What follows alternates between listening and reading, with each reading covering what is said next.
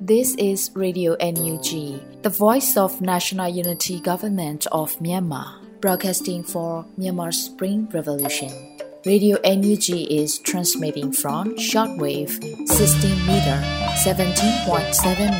MHz at 8:30 a.m. and 25 meter 11.94 MHz at 8:30 p.m. Myanmar Standard Time. မင်္ဂလာပါရှင်။ မြို့သားညီညွတ်ရေးအစိုးရရဲ့အတန်လွန်ဌာန Radio NUG ကိုမနက်ပိုင်း၈နာရီခွဲမှာလိုင်းတူ16မီတာ19.89 MHz ၊ညပိုင်း၈နာရီခွဲမှာလိုင်းတူ25မီတာ17.6 MHz တို့မှာဓာတ်ရိုက်ဖမ်းယူနိုင်စေနိုင်ပါတယ်ရှင်။မင်္ဂလာအပေါင်းနဲ့ပြည့်စုံကြပါစေ။အခုချိန်ကစပြီး Radio NUG အစီအစဉ်လေးကိုဓာတ်ရိုက်အတန်လွှင့်ပေးနေပါပြီရှင်။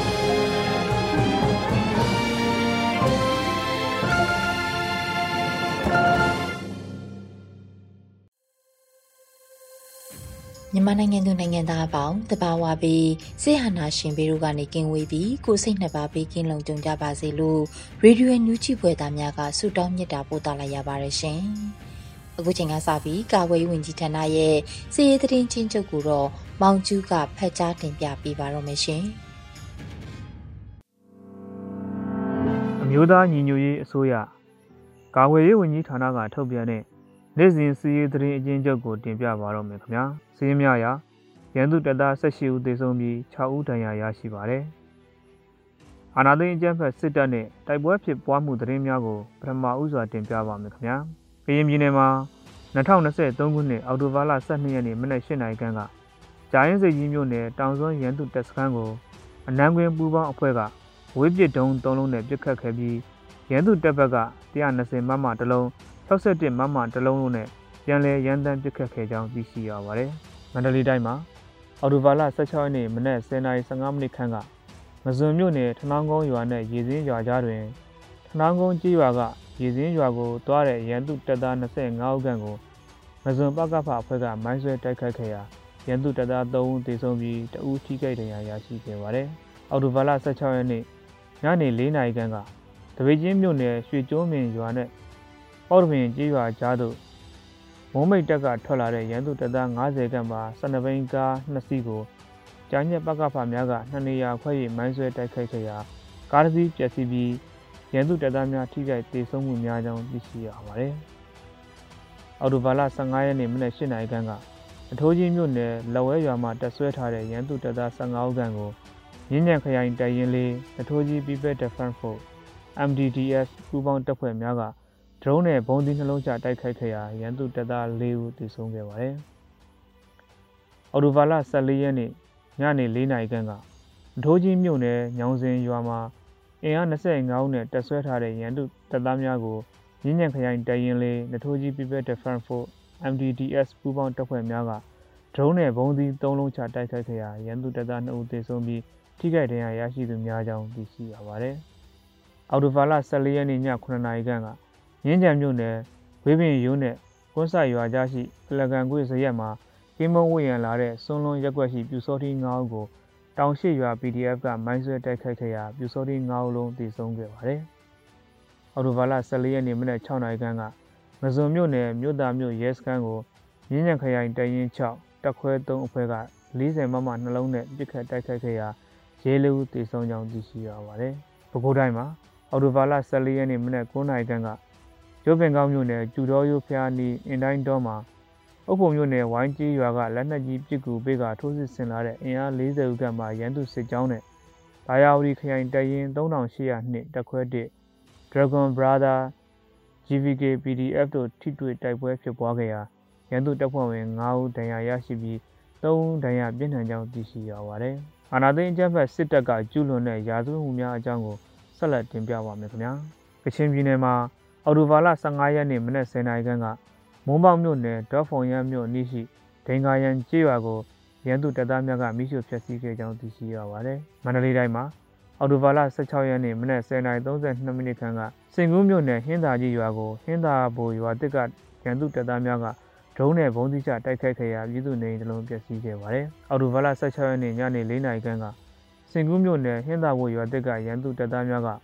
ဝက်လက်မြို့နယ်ငပန်ချောင်းရွာကိုဒရုန်းနဲ့ဘုံသီးနှလုံးကျတိုက်ခိုက်ခဲ့ပါတယ်။အော်တိုဘာလ15ရက်နေ့ညနေ4နာရီခန့်ကစင်ကူးမြို့နယ်မြတီရာရွာအရှိဘက်ရှိကျွဲကျိုးတောင်ပေါ်သို့တယောပင်ရွာကတက်ဆွဲထားတဲ့ရန်သူတပ်သားများကဒရုန်းနဲ့ဘုံသီး၃လုံးချပစ်ခတ်တိုက်ခိုက်ခဲ့ရာ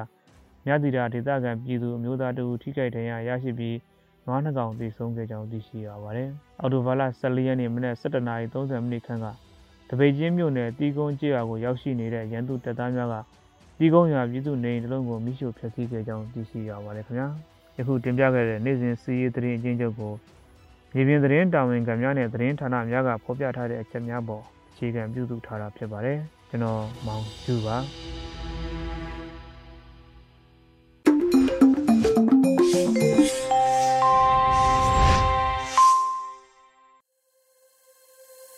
ရေဒီယိုညူးချီရဲ့မနက်ခင်းစီစဉ်တွေကိုဆက်လက်တင်လွှင့်ပေးနေပါတယ်။အခုဆက်လက်ပြီးနားဆင်ကြရမှာကတော့ပြည်တွင်းသတင်းများဖြစ်ပါတယ်။မျိုးဦးမိုင်ကဖတ်ကြားတင်ပြပေးပါမယ်ရှင်။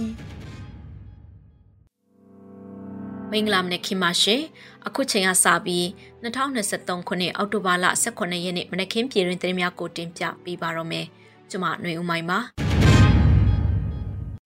ပထမဆုံးသတင်းအနေနဲ့ ချက်နိုင်ငံမှာကျင်းပနေတဲ့29ကြိမ်မြောက် Forum 2000 Conference ကို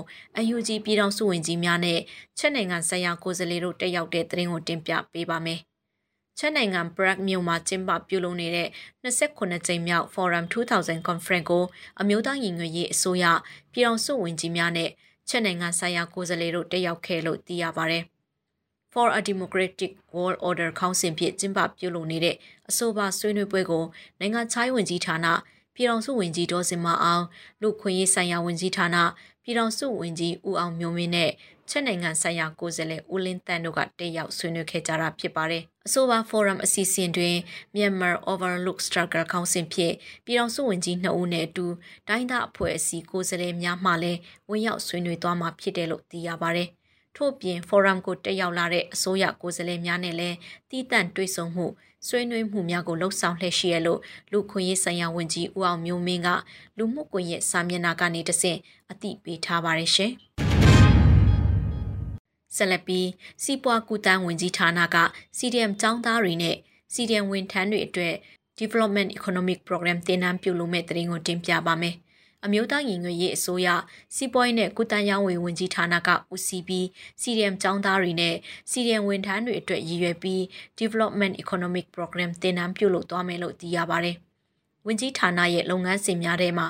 မြန်မာ Institute of Economy, Commerce and Industry ရဲ့စီးပွားရေးဆိုင်ရာလူစွာအားရင်းမြစ်များဖွံ့ဖြိုးတိုးတက်ရေးအထောက်အကူပြုလုပ်ငန်းစဉ်များအားအကောင့်ထဲပေါ်ဆောင်ရွက်လက်ရှိရာ Development Economic Program တင်နန်းကိုအောက်တိုဘာ21နဲ့22ရက်နေ့မှာည8နာရီကနေ10နာရီထိတင် जा ပို့ချသွားမယ်လို့အတည်ပြုထုတ်ပြန်ထားပါတယ်။ Development Economic Program ကိုစိတ်ဝင်စားတဲ့ CDM ကျောင်းသားများနဲ့ CDM ဝန်ထမ်းများကိုပါဝင်တက်ရောက်ကြဖို့အတွက်လည်းဖိတ်ခေါ်ထားပါတယ်။ တင်နန်းလျှောက်လွှာကိုစီပွဲနဲ့ကုတန်ရောင်းဝယ်ဝင်ကြီးဌာနရဲ့လူမှုကွန်ရက်စာမျက်နှာမှာဖော်ပြထားတဲ့ link ကနေရယူနိုင်မှာဖြစ်ပါတယ်။ရှောက်လွှာကိုအောက်တိုဘာ16ရက်ညမှာပိတ်မှာဖြစ်ပြီးတင်နန်းတက်ရောက်ခွင့်ကိုအောက်တိုဘာ20ရက်မှာအီးမေးလ်ကနေတဆင့်အကြောင်းပြန်သွားမယ်လို့ဖော်ပြထားပါတယ်ရှင်။ UNG လူသားစာနာဝန်ကြီးဌာနကဒူဝင်ကြီးချင်းပြည်နယ်တောင်ပိုင်းရှိရှေ့ရန်စခန်းများသို့တွားရောက်ကထောက်ပံ့ငွေများပေးအပ်တဲ့တဲ့ရင်ကိုဆက်လက်တင်ပြပါမယ်။ အမျိုးသားညီညွတ်ရေးအစိုးရလူသားချင်းစာနာထောက်ထားရေးနဲ့ဘီယနေဆိုင်ရာစီမံခန့်ခွဲဝင်ကြီးဌာနဒုတိယဝန်ကြီးဒေါက်တာငိုက်တမောင်ဦးဆောင်တဲ့ဖွဲ့ဟာချင်းပြည်နယ်တောင်ပိုင်းကရှေ့တန်းစခန်းတာဝန်ခံများဒေသခံပြည်သူများနဲ့တွေ့ဆုံကထောက်ပံ့ငွေများပေးအပ်ခဲ့ပါတယ်။အဲ့လိုတွေ့ဆုံခဲ့တာမှာမိုးရင်းကာလအတွင်းမြေပြိုမှုတွေကြောင့်ပြည်သူတွေအုံပြုနေတဲ့လမ်းများပျက်စီးမှုအခြေအနေတွေကိုကွင်းစင်ကြည့်ရှုခဲ့ပြီးလမ်းများပြန်လည်ပြုပြင်ရေးအတွက်လူသားချင်းစာနာထောက်ထားရေးနဲ့ ဘေးနေဆိုင်ရာစီမံခန့်ခွဲဝင်ကြီးဌာနကကျပ်သိန်း20ကူညီပံ့ပိုးပေးခဲ့လို့သိရပါတယ်။ဒါ့အပြင်သက်ဆိုင်ရာမြို့နယ်အသီးသီးကဒေသခေါင်းဆောင်တွေနဲ့လည်းတွေ့ဆုံခဲ့ပြီးချင်းပြည်နယ်ကဒေါ်လှန်ရေးအခြေအနေအမျိုးသားညီညွတ်ရေးအစိုးရကဒေါ်လှန်ရေးအတွက်ကြိုးပမ်းဆောင်ရွက်နေတဲ့အနေအထားများနဲ့ခရီးစဉ်အတွင်းမှာတွေ့ရှိခဲ့တဲ့မြေပြင်အခြေအနေလိုအပ်ချက်တွေကိုညှိနှိုင်းဖြည့်ဆည်းပေးခဲ့လို့ဆိုပါတယ်။အမျိုးသားညီညွတ်ရေးအစိုးရလူသားချင်းစာနာထောက်ထားရေးနဲ့ ဘေးနယ်ဆိုင်ရာစီမံခန့်ခွဲဝင်ကြီးဌာနဒုတိယဝန်ကြီးဒေါက်တာငိုက်တန်မောင်ဦးဆောင်တဲ့အဖွဲ့ဟာတော်လှန်အင်အားစုများနဲ့ဒေသခံပြည်သူတွေကိုစိတ်ခွန်အားပေးဆွေးနွေးခြင်းများကိုပြုလုပ်ပေးခဲ့ပြီး၎င်းတို့ကြုံတွေ့နေရတဲ့အခက်အခဲနဲ့စိန်ခေါ်မှုများကိုလည်းရင်းနှီးပွင့်လင်းစွာဆွေးနွေးခဲ့ကြတယ်လို့ထုတ်ပြန်ထားပါတယ်ရှင်။ ဆက်လက်ပြီး NCA ရှစ်နှစ်ပြည့်တက်ရောက်ခဲ့သည့်ရဲဘော်မျိုးဝင်းအပါအဝင် ABSDF တပ်ဖွဲ့ဝင်၃ကိုတာဝန်မှရက်စဲလိုက်တဲ့တရင်ကိုတင်ပြပါမယ်။စစ်ကောင်စီကပြုလုပ်သည့် NCA စာချုပ်လက်မှတ်ရေးထိုးခြင်းရှစ်နှစ်ပြည့်အခမ်းအနားကိုတက်ရောက်ခဲ့သည့်မြန်မာနိုင်ငံလုံးဆိုင်ရာចောင်းသားများဒီမိုကရက်တစ်တပ်ဦး ABSDF တပ်ဖွဲ့ဝင်၃ဦးကိုနိုင်ငံရေးစစ်ရေးတာဝန်များမှ ရက်စဲကြောင်း ABSDF ဗဟိုကော်မတီကယနေ့ထုတ်ပြန်ခဲ့ပါတယ်။ရင်းအခမ်းအနားသို့တက်ရောက်ခဲ့သဖြင့်တောင်းမှရက်စဲခံရသူ၃ဦးမှာ ABSDF ဒုဥက္ကဋ္ဌရဲဘော်မျိုးဝင်းတက်မှမူရဲဘော်မင်းစော်နဲ့ရဲဘော်စောမာမောင်မိုးတို့ဖြစ်ကြောင်းဗဟိုကော်မတီဝင်ရဲဘော်စန်နီကတီးပြုတ်ပြောကြားပါတယ်။ယနေ့ပြုလုပ်သည့် ABSDF ဗဟိုကော်မတီအရေးပေါ်စီဝေးဆုံးဖြတ်ချက်အရ၎င်းတို့၏နိုင်ငံရေးနှင့်စစ်ဖက်ဆိုင်ရာတာဝန်များကိုရုပ်သိမ်းလိုက်ခြင်းဖြစ်ပြီးအဖွဲ့၏သဘောထားယက်တီချက်များနှင့် စန့်ကျင်သည်များကိုဆက်လက်ဆောင်ရွက်ခြင်းမပြုရန်တတိပေးထားပါတယ်။1988ကတည်ထောင်ခဲ့တဲ့ ABSDF သည်2015ခုနှစ်တွင် NCA စာချုပ်လက်မှတ်ထိုးရာတွင်ပါဝင်ခဲ့ပါတယ်။ပြီးခဲ့တဲ့အောက်တိုဘာလ12ရက်နေ့ကစစ်ကောင်စီကြောင့် NCA စာချုပ်မှာဖြစ်ပြသွားပြီဖြစ်ကြောင်းနဲ့ NCA ရှင်းနှစ်ပြည့်ခန္ဓာကိုတက်ရောက်မည်မဟုတ်ကြောင်း ABSDF CNF KNU စသည့် ERO သုံးဖွဲ့ကသဘောထားပူးတွဲထုတ်ပြန်ခဲ့ပါသေးတယ်ရှင်။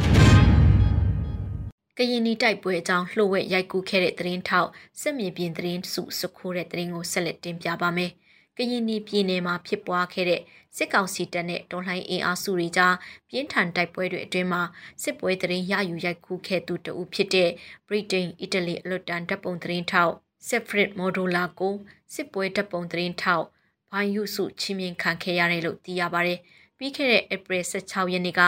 ကယားပြည်နယ်ဒုံကြီးခုကျေးရွာမှာပြင်းထန်စွာဖြစ်ပွားခဲ့တဲ့တိုက်ပွဲတွေအတွင်းမော်တာကြီးဆန်ကြရောက်ပောက်ကွဲမှုကြောင့်ကရင်နီစစ်သားတွေဟာအနီးနားရှိရေမြောင်းတစ်ခုအတွင်းမှာခိုလုံနေတဲ့တပ်ပုံနဲ့ဒီစုကိုစုခိုးရရှိခဲ့တာဖြစ်တယ်လို့ပြင်သစ်တန်ယုံကဖော်ပြထားပါတယ်။ စုရသတင်းထောက်မစ္စတာမိုဒိုလာဟာ2022ခုနှစ်စက်တင်ဘာလမှာမြန်မာနိုင်ငံကိုလှုပ်ဝက်ဝင်ရောက်ခဲ့ကကရင်နီကာကွယ်ရေးတပ်ဖွဲ့တွေနဲ့အတူရှေ့တန်းကိုလိုက်ပါပြီးဒီတပ်ပုံတွေရိုက်ကူးခဲ့တာဖြစ်တယ်လို့သူ့တပ်ပုံအစည်းကိုဖော်ပြခဲ့တဲ့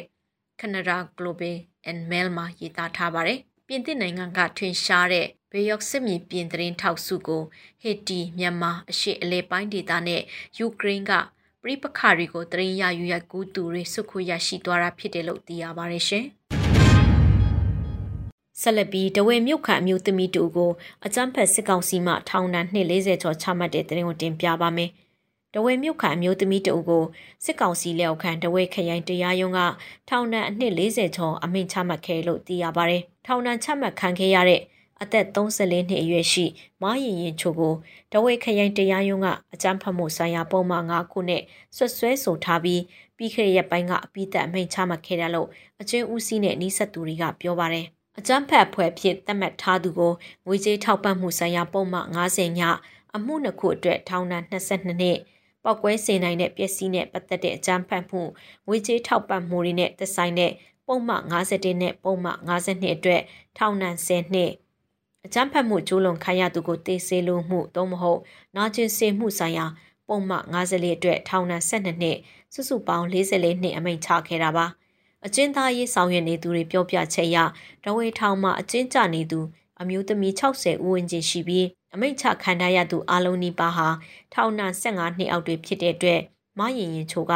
ထောင်ဒဏ်အများဆုံးကြခံရသူဖြစ်တယ်လို့သိရပါတယ်။ တဝေထောင်ထဲရှိနိုင်ငံရေးအကျဉ်းသားအမျိုးသားတွေထဲမှာတော့ထောင်ဒဏ်တစ်သက်တကျွန်းအမိန့်ချမှတ်ခံထားရသူနှစ်ဦးနဲ့အနှစ်40အထက်ထောင်ဒဏ်ချမှတ်ခံထားရသူနှစ်ဦးရှိပါတယ်။ယခုနှစ်ဇန်နဝါရီလကမရင်ရင်ချိုနဲ့အတူဖမ်းဆီးခံခဲ့ရတဲ့မောင်တော်ဆက်သူကိုတက်စော်ဝင်းကိုလည်းအကြမ်းဖက်မှုပုံမှန်3ခုနဲ့ထောင်ဒဏ်22နှစ် အခုရက်ပိုင်းမှာပဲအမိန့်ချထားပါတယ်။တနင်္သာရီတိုင်းမှာတဝေအကျဉ်းထောင်ဟာနိုင်ငံရေးအကျဉ်းသားအများဆုံးထောင်ဖြစ်ပြီးစုစုပေါင်းအကျဉ်းသားတထောင်ကျော်မှာတဝက်ခန့်ဟာနိုင်ငံရေးအကျဉ်းသားတွေဖြစ်ပါတယ်ရှင်။ KIA တပ်မဟာကိုနေမြေဖက်ကိုအကြမ်းဖက်စစ်ကောင်စီကဂျက်ဖိုက်တာနှစ်စီးနဲ့ပုံကျဲတိုက်ခိုက်ခဲ့ပြီးထိခိုက်သေးဆုံးမှုရှိနိုင်တဲ့သူတို့ဆက်လက်တင်ပြပါမယ်။ကချင်ပြည်နယ်ဖားကတ်မြို့ကန်စီဒေတာအထက်ဘက်ရှိကချင်လွတ်မြောက်ရေးတပ်မတော် တပ်မဟာကိုထိန်းချုပ်နေမြေတွေကိုအကြမ်းဖက်စစ်ကောင်စီတပ်က Jet Fighter နှစ်စီးနဲ့လာရောက်ပစ်ခတ်သွားတယ်လို့ Kachin News Group ရဲ့ဖော်ပြချက်ရသိရှိရပါတယ်။ အောက်တိုဘာလ16ရက်နေ့ညနေ4နာရီအချိန်ခန့်တွင် Jet Fighter နှစ်စီးနဲ့လာရောက်ပစ်ခတ်ခဲ့တာဖြစ်ပြီးထိခိုက်သေးဆုံးမှုရှိနိုင်တယ်လို့ KIA တပ်ဖွဲ့နဲ့နှိစက်သူတို့ကပြောပါတယ်။ဖားကန်ဒေတာမှာအာနာသိမ့်ပြီးနောက်ပိုင်းအကြမ်းဖက်စစ်တပ်နဲ့ကချင်လွတ်မြောက်ရေးတပ်မတော် KIA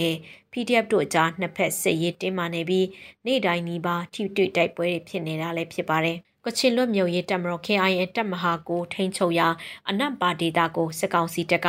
2022ခုနှစ်အောက်တိုဘာလ23ရက်နေ့ညပိုင်းအချိန်ကစစ်တပ်ကလေးနဲ့လာရောက်ပစ်ခတ်ပုံကျဲခဲ့တဲ့အတွက်အရက်သားပြည်သူ30ကျော်သေဆုံးခဲ့ပူပါတယ်ရှင်။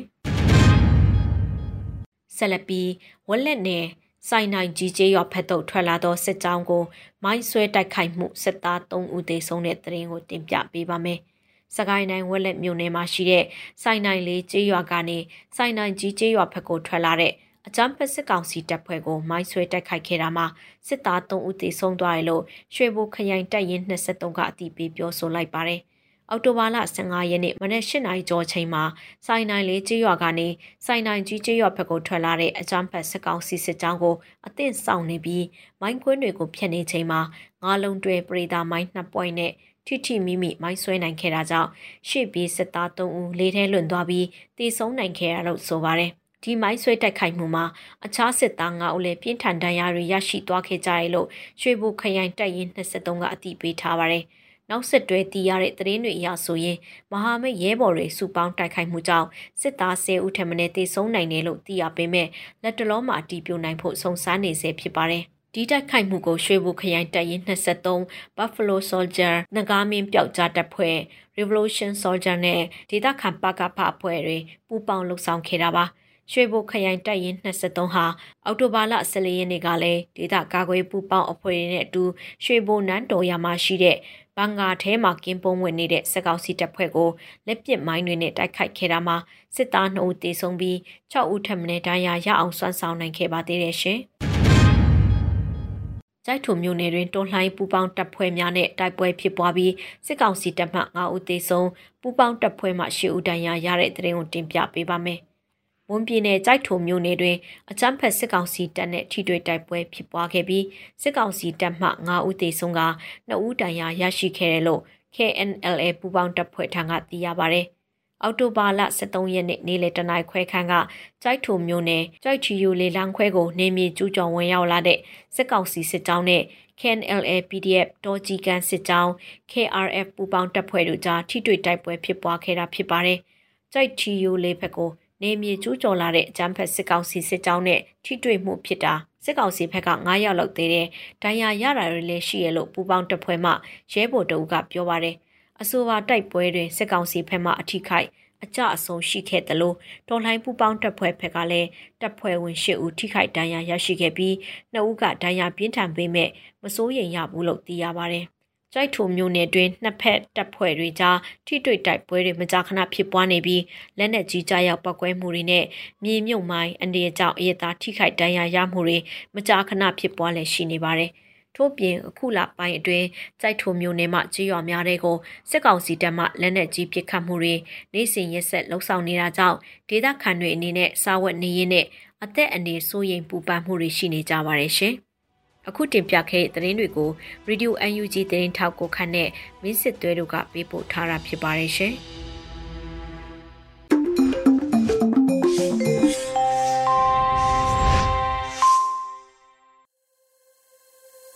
ရေဒီယိုညူးချီကိုနာတော်တာဆင်နေတဲ့ပရိသတ်များရှင်အခုဆက်လက်ပြီး တော်လှန်ရေးကဗျာအစီအစဉ်မှာတော့မောင်တင်သစ်ရေးသားပြီးလွတ်လပ်နေဦးရွတ်ဖက်ထားတဲ့အိမ်အပြန်လန်းလို့အမည်ရတဲ့တော်လှန်ရေးကဗျာကိုနားဆင်ကြရတော့မှာဖြစ်ပါတယ်ရှင်။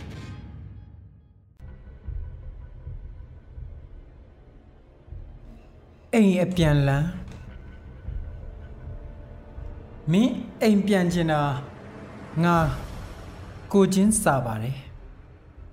အေယာမတောင်တန်းကြီးတွေတောင် ဝင်ရိုးစွန်းကသူ့အိမ်ရာစီတစ်နှစ်တစ်ခါပြန်ကြတယ်ငါကြားဘူးတယ်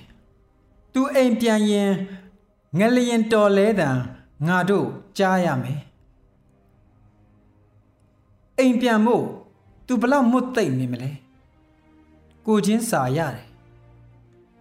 ကိုကိုကိုအပြစ်မတင်ပါနဲ့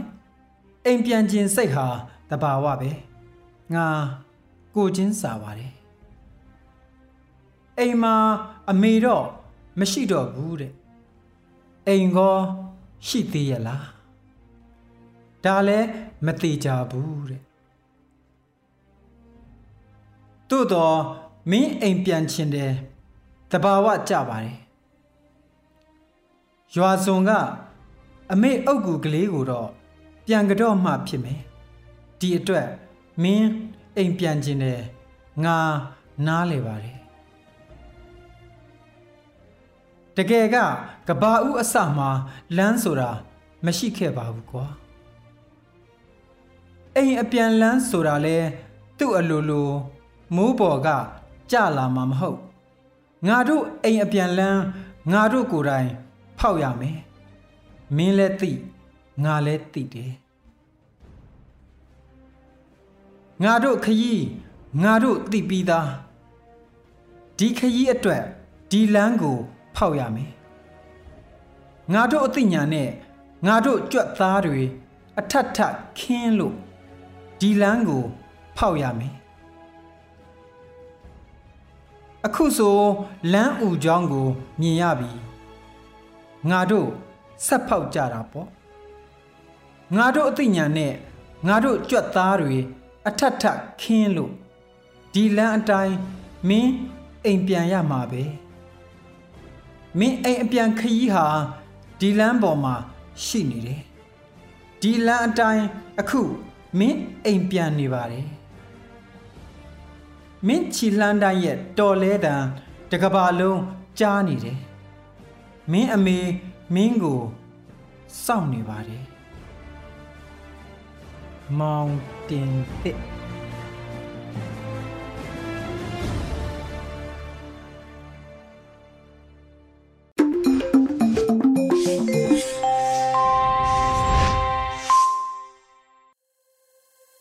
ရေဒီယိုညူးချီကိုနာတော်တာဆင်နေတဲ့ပရိသတ်များရှင်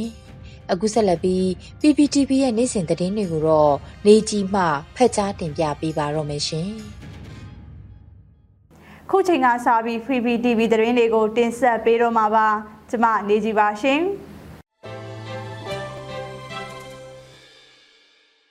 ပထမဆုံးတင်ဆက်ပေးမယ့်သတင်းကတော့ ကိုကန့်ဒေသတိုက်ပွဲမှာအကြမ်းဖက်စစ်ကောင်စီတပ်ရဲ့အရာရှိတအူးအပါဝင်16ဦးသေပြီးလက်နက်17လက်ရတယ်လို့ LNDA ထုတ်ပြန်လိုက်တဲ့သတင်းမှာကိုကန့်ဒေသမှာဖြစ်ပွားခဲ့တဲ့တိုက်ပွဲအတွင်းအကြမ်းဖက်စစ်ကောင်စီတပ်ကအရာရှိတအူးအပါဝင်တေဆုံးသူ16ဦးရှိခဲ့တယ်လို့ကိုကန့်တမတော် NNDAA ရဲ့ထုတ်ပြန်ချက်အရသိရပါတယ်။ အော်တိုဘာလ14ရက်နေ့နေ့လယ်ပိုင်းက MNDAA တပ်စခန်းကိုလာရောက်တိုက်ခိုက်ခဲ့တဲ့အကြမ်းဖက်စစ်ကောင်စီတပ်ဖွဲ့ကို MNDAA ကဥစွာပစ်ခတ်တိုက်ခိုက်ခဲ့ရာအကြမ်းဖက်စစ်ကောင်စီတပ်က16ဦးသေပြီး9ဦးဒဏ်ရာရရှိခဲ့တယ်လို့ဆိုပါတယ်။အင်အား30ခန့်ရှိတဲ့အကြမ်းဖက်စစ်ကောင်စီတပ်ဟာရဲသားတအုပ်ကိုဖမ်းပြီးလမ်းပြအဖြစ်ခေါ်ဆောင်က MNDAA တပ်စခန်းကိုလာရောက်တိုက်ခိုက်ခဲ့တာဖြစ်ပြီးအပြန်အလှန်တိုက်ပွဲဖြစ်ပွားမှုနှစ်နာရီကြာမြင့်ခဲ့ကြောင်းထုတ်ပြန်ထားပါတယ်။အကြမ်းဖက်စစ်ကောင်စီတပ်ကသေဆုံးရုပ်လောင်းတွေရဲ့ရုပ်တံမှတ်တမ်းတွေကိုလည်းထုတ်ပြန်ထားပြီးလက်နက်ငယ်၁၀လက်နဲ့လက်နက်ကြီးတစ်လက်ခဲယံကြီးများဆက်သွယ်ရေးသုံးပစ္စည်းများတင်စီရရှိမိခဲ့ကြောင်းဖော်ပြထားပါတယ်။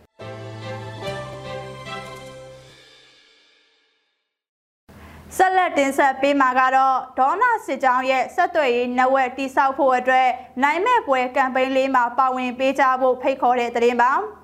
ဒေါနာစစ်ကြောင်းရဲ့ဆက်သွယ်ရေးနက်ဝက်တိစောက်ဖို့အတွက်နိုင်မဲ့ပွဲစက်သိန်းထောက်နေရကမ်ပိန်းလေးမှာပါဝင်ကြဖို့ဒေါနာစစ်ကြောင်းကဖိတ်ခေါ်ထားပါတယ်။ မြေပြင်မှာလက်တွေ့တိုက်ပွဲဝင်နေကြတဲ့ရဲဘော်တွေရဲ့အသက်ကာကွယ်နိုင်ဖို့စစ်စေးရေးတိုင်းအသာစီးရပြီးအောင်ပွဲဝင်နိုင်ဖို့အတွက်စစ်တွေနဝက်တစ်ခုခုတိစောက်ဖို့ကိစ္စမှာမြေပြင်အကာအဝေးပထဝီအနေထားရာသီဥတုအခြေအနေနဲ့ကိုက်ညီစံနှုန်းမိတဲ့ဆက်သွယ်ရေးဆက်အထောက်အကူကရိယာတွေလုံးဝမရှိဘူးဖြစ်တာကြောင့်ဒေါနာစစ်ကြောင်းဆက်သွယ်ရေးနက်ဝက်တိစောက်ဖို့လိုအပ်နေတယ်လို့အတည်ပြုထားပါတယ်။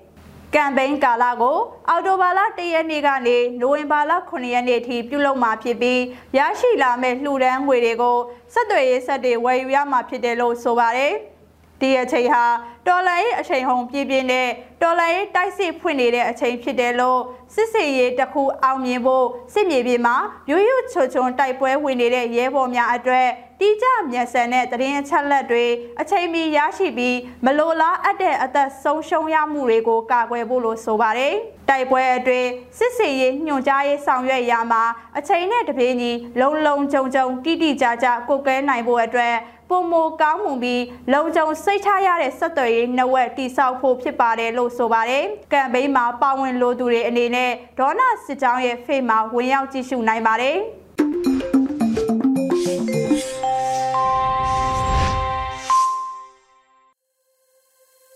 ဗီဒီယိုအန်ယူဂျီကိုနားတော်တာဆင်နေတဲ့ပရိသတ်များရှင်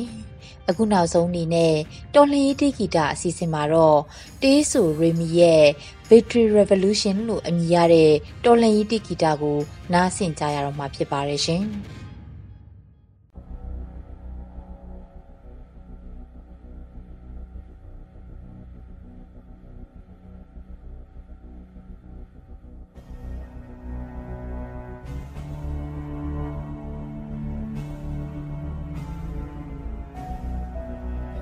ကနေထွ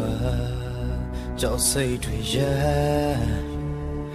မာနေပြီသားတို့ရေသမီးတို့ရေကယူဆိုင်ပါအတွက်လန်ထွန်းနေလေမြမပြေမှာခွေးမျိုးတွေမျိုးတုံအောင်တိုက်ခိုက်နေတယ်ငါတို့လေအတဲ့ခဏနဲ့နောက်ချိုးလေးရှိရတော့ပေးစံနေကြရဲ့ဒီ သူတွေ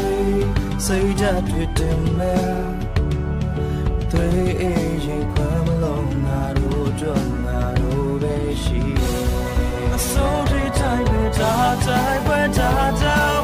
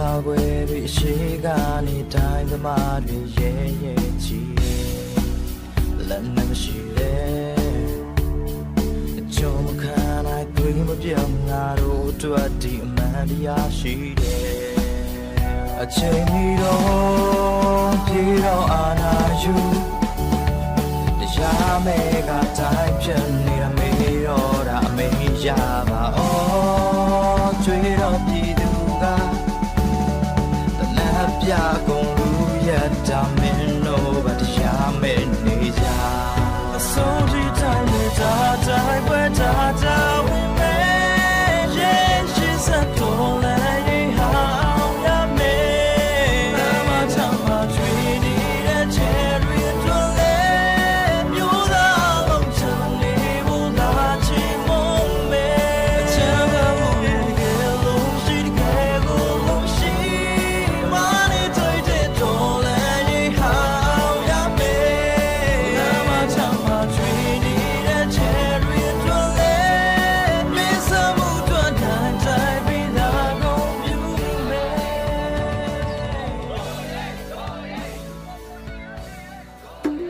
ဒီကနေ့ကတော့ဒီညနဲ့ပဲ Radio NUG ရဲ့အစီအစဉ်လေးကိုခਿੱတရနာလိုက်ပါမယ်ရှင်။မြမစံတော်ချိန်မနက်၈နာရီခွဲနဲ့ည၈နာရီခွဲအချိန်တွေမှာပြန်လည်ဆုံတွေ့ကြပါစို့။ Radio NUG ကိုမနက်ပိုင်း၈နာရီခွဲမှာလိုင်းတူ16မီတာ19.89 MHz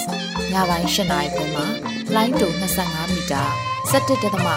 MHz တို့မှာဓာတ်ရိုက်ဖမ်းလို့နိုင်စေနိုင်ပါပြီ။ မြန်မာနိုင်ငံသူနိုင်ငံသားတွေကိုစိတ်နှပြကျန်းမာချမ်းသာလို့ဘေးကင်းလုံခြုံကြပါစေလို့ Radio NUG အဖွဲ့သူဖွဲ့သားတွေကဆုတောင်းမြတ်တာပို့တာလိုက်ရပါတယ်ရှင်။အမျိုးသားညီညွတ်ရေးအစိုးရရဲ့စက်သွေးရေးသတင်းအချက်အလက်တွေပညာဝန်ကြီးဌာနကထုတ်လွှင့်နေတဲ့ Radio NUG ဖြစ်ပါတယ်။ San Francisco Bay Area အခြေစိုက်မြန်မာမိသားစုတွေနဲ့နိုင်ငံတကာကစေတနာရှင်လို့အားပေးနေတဲ့ Radio NUG ဖြစ်ပါတယ်။အရေးတော်ပုံအောင်ရမည်